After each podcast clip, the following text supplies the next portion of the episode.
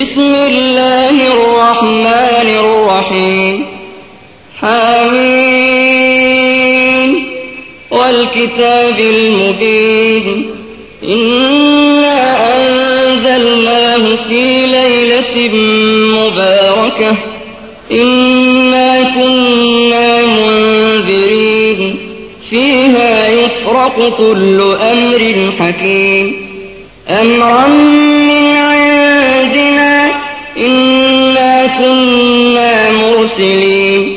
رحمة من ربك إنه هو السميع العليم.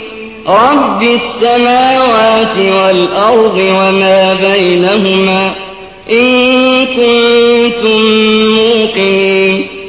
لا إله إلا هو يحيي ويميت. ربكم ورب آبائكم الأولين بل في شك يلعبون అనంత కరుణామయుడు అపార కృపాశీలుడు అయిన అల్లాహ్ పేరుతో ప్రారంభిస్తున్నాను హామీం స్పష్టమైన ఈ గ్రంథం సాక్షిగా మేము దానిని ఎంతో మేలైన అత్యంత శుభవంతమైన రాత్రివేళ అవతరింపజేశాము ఎందుకంటే మేము ప్రజలను హెచ్చరించదలచాము. ఈ రాత్రే ప్రతి విషయానికి సంబంధించిన వివేకవంతమైన నిర్ణయం మా ఆజ్ఞానుసారం జారీ అవుతుంది. మేము ఒక ప్రవక్తను నీ ప్రభు కారుణ్యంగా పంపాలనుకున్నాము. నిశ్చయంగా ఆయన మాత్రమే అన్నీ వినేవాడు అన్నీ ఎరిగినవాడు. ఆకాశాలకు భూమికి ప్రభువు భూమ్యాకాశాల మధ్య ఉన్న ప్రతి వస్తువునకు ప్రభువు మీరు నిజంగా విశ్వాసులే అయితే ఈ విషయాన్ని గ్రహించండి. ఆయన తప్ప ఆరాధ్య దైవం ఎవ్వడూ లేడు. ఆయనే జీవితాన్ని ప్రసాదిస్తాడు. ఆయనే మరణాన్ని ఇస్తాడు. ఆయనే మీ ప్రభు. గతించిన మీ పూర్వీకుల ప్రభు. కాని వాస్తవంగా వారికి నమ్మకం లేదు అయితే వారు శంకతో ఆడుకుంటున్నారు فارتقب يوم تأتي السماء بدخان مبين يغشى الناس هذا عذاب أليم ربنا اكشف عنا العذاب إنا مؤمنون أنا لهم الذكرى وقد جاءهم رسول مبين. ثم تولوا عنه وقالوا معلم مجنون. إنا كاشف العذاب قليلا. إنكم عائدون. يوم نبطش البطشة الكبرى إنا منتقمون సరే స్పష్టమైన పొగను ఆకాశం తీసుకుని వచ్చే దినం కొరకు నిరీక్షించండి అది ప్రజలను కమ్ముకుంటుంది ఇదే వ్యధాభరితమైన శిక్ష అప్పుడు వారు ఇలా అంటారు ప్రభూ ఈ శిక్షను మాపై నుండి తొలగించు మేము విశ్వసిస్తున్నాము. వారి అశ్రద్ధ ఎలా దూరం అవుతుంది? వారి వద్దకు సాక్షాత్తుగా ఒక ప్రవక్త వచ్చినప్పటికీ వారు అతని పట్ల శ్రద్ధ చూపలేదు సరికదా పైగా ఇతను ఒక పిచ్చివాడు ఇతరుల నుండి నేర్చుకున్నాడు అని అన్నారు. ఇలా ఉంది వారి పరిస్థితి.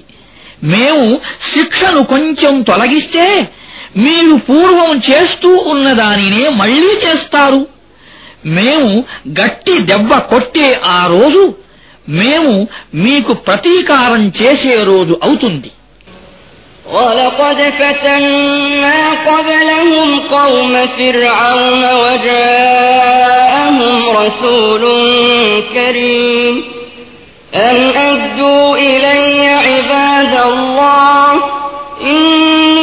لكم رسول أمين وأن لا تعلوا على الله.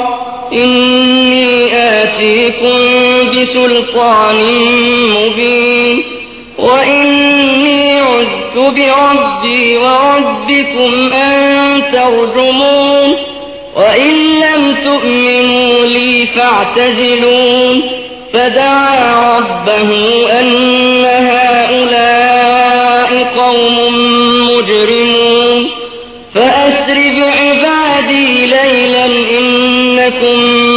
متبعون واترك البحر رهوا إنهم جند مغرقون كم تركوا من جنات وعيون وزروع ومقام كريم ونعمة كانوا فيها فاكهين كذلك وأورثناها قوما آخرين بكت عليهم السماء والأرض وما كانوا منظرين. ولقد نجينا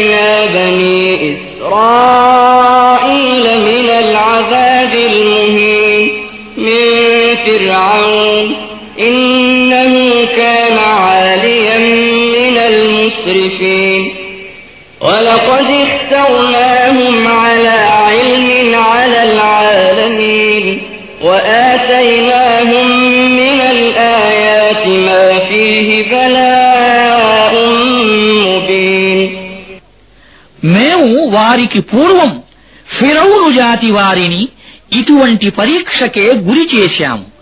వారి వద్దకు ఎంతో మర్యాదస్తుడైన ఒక ప్రవక్త వచ్చాడు. అతను ఇలా అన్నాడు అల్లాహ్ సేవకులను నాకు అప్పగించండి. నేను మీ కొరకు వచ్చిన ఒక నమ్మకస్తుడనైన ప్రవక్తను. అల్లాకు వ్యతిరేకంగా తిరుగుబాటు చేయకండి. నేను మీ ముందు నా నియామకానికి సంబంధించిన స్పష్టమైన ప్రమాణాన్ని ఉంచుతున్నాను. మీరు నా మీద దాడి చేయకుండా నేను మన ప్రభు యొక్క శరణు పొందాను. ఒకవేళ మీరు నా మాట నమ్మకపోతే సరే నా జోలికి మట్టుకు రాకండి. చివరకు అతను ఈ ప్రజలు అపరాధులు అని తన ప్రభువుతో చెప్పుకున్నాడు. ఇలా జవాబు ఇవ్వబడింది. మంచిది. రాత్రికి రాత్రే నా సేవకులను తీసుకుని బయలుదేరు. మిమ్మల్ని వెంటాడటం జరుగుతుంది. సముద్రాన్ని అది ఉన్న స్థితిలోనే విడిచిపెట్టు. అప్పుడు ఈ సైన్యం అంతా మునిగిపోతుంది. వారు ఎన్ని తోటలను ఎన్ని నీటి బుగ్గలను ఎన్ని పొలాలను ఎన్ని అందమైన సౌధాలను వదిలి వెళ్ళారు వారు అనుభవిస్తూ ఉన్న విలాస వస్తువులు ఎన్నో వారి వెనుకనే ఉండిపోయాయి. ఇలా జరిగింది వారి ముగింపు. మేము ఇతరులను ఈ వస్తువులకు వారసులుగా చేశాము. తరువాత వారి కొరకు ఆకాశము విలపించలేదు భూమి విలపించలేదు. వారికి కొద్దిపాటి వ్యవధి కూడా ఇవ్వబడలేదు. ఈ విధంగా మేము ఇస్రాయిలు సంతతి వారికి అత్యంత అవమానకరమైన శిక్ష నుండి ఫిరౌను నుండి విమోచనం కలిగించాము. అతడు హద్దులు మీరిన వారిలో నిజంగానే అగ్రశ్రేణికి చెందినవాడు. వారి పరిస్థితిని ఎరిగి ఉండి కూడా వారికి ప్రపంచంలోని ఇతర జాతులపై ప్రాధాన్యం ఇచ్చాము.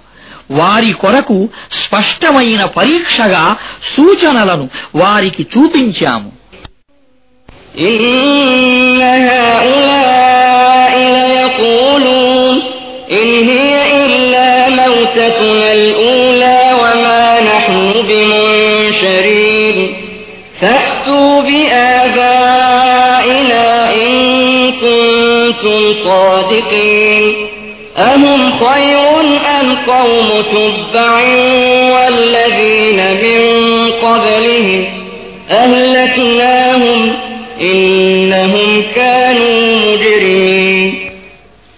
وما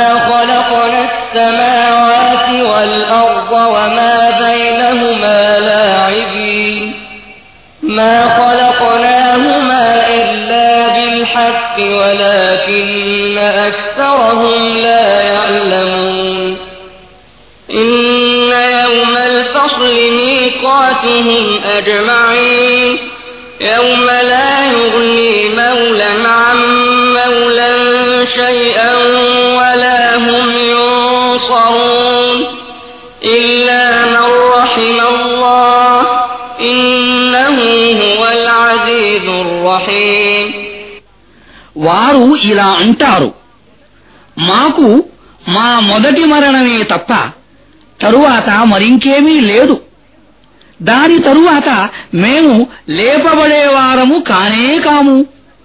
నీవు నిజమే పలుకుతున్నట్లయితే మా తాత ముత్తాతలను లేపి తీసుకురా. వారు మేలైన వారా లేక తుబ్బాజాతి వారా దానికి ముందు వారా. వారు అపరాధులైపోయిన కారణంగానే మేము వారిని నాశనం చేశాము. ఈ ఆకాశాన్ని ఈ భూమిని వాటి మధ్య ఉన్న వస్తువులను మేము వినోదం కోసం సృష్టించలేదు సుమా. వాటిని మేము సత్యంతోనే సృష్టించాము. కాని వారిలో అనేకులు ఎరుగరు. వారందరూ లేపబడటానికి నిర్ణయించబడిన సమయం తీర్పు దినమే. ఆనాడు దగ్గర బంధువు అయినా సరే తన దగ్గర బంధువుకి కూడా ఎంతమాత్రం ఉపయోగపడడు. ఎవరి నుండి వారికి ఏ సహాయమూ లభించదు.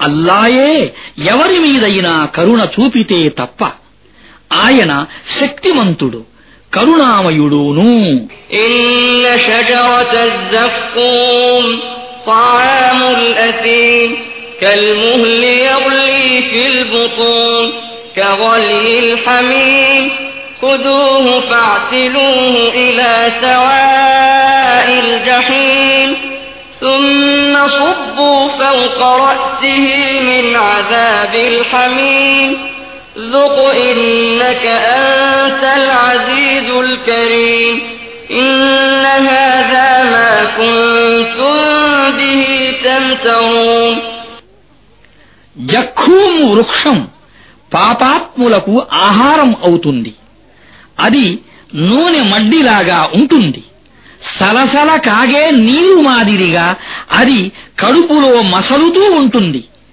అతనిని పట్టుకోండి. నరకం మధ్యకు ఈడ్చుకుంటూ తీసుకువెళ్ళండి. వాడి తల మీద సలసల కాగే నీటి శిక్షను పొర్లించండి. నీవు గొప్ప బలవంతుడవు గౌరవనీయుడవు అయిన మనిషివి. మీరు ఏ విషయం రాకను గురించి సందేహించేవారో ఆ విషయం ఇదే. إن المتقين في مقام أمين في جنات وعيون يلبسون من سندس وإستبرق متقابلين.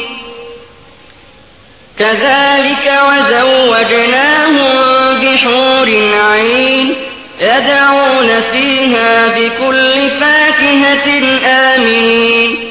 لا يذوقون فيها الموت إلا الموتة الأولى ووقاهم عذاب الجحيم فضلا من ربك ذلك هو الفوز العظيم దైవభీతి గలవారు శాంతి భద్రతలు గల ప్రదేశములో ఉంటారు ఉద్యానవనాలలో శలయేళ్లలో సన్నని పట్టు వస్త్రాలు జరీ పట్టు వస్త్రాలు ధరించి ఒకరికొకరు ఎదురుగా కూర్చుండి ఉంటారు. ఇలా ఉంటుంది వారి దర్పం. పసిమి రంగు మేనులు అందమైన విశాలమైన కళ్ళు గల స్త్రీలను వారికి ఇచ్చి వివాహం చేస్తాము. అక్కడ వారు రుచికరమైన అన్ని రకాల పదార్థాలను నిస్సంకోచంగా అడుగుతారు. అక్కడ వారు మరణాన్ని ఎన్నటికీ రుచి చూడరు ప్రపంచంలో వచ్చిన మరణమే మరణం అల్లాహ్ తన కృపతో వారిని నరక శిక్ష నుండి కాపాడుతాడు ఇదే గొప్ప సాఫల్యం فإنما يسرناه بلسانك لعلهم يتذكرون فارتقب إنهم مرتقبون ప్రవక్త వారు హితబోధ పొందటానికి మేము ఈ గ్రంథాన్ని నీ భాషలో సరళం చేశాము. ఇక నీవు కూడా నిరీక్షించు. వారు కూడా నిరీక్షిస్తున్నారు.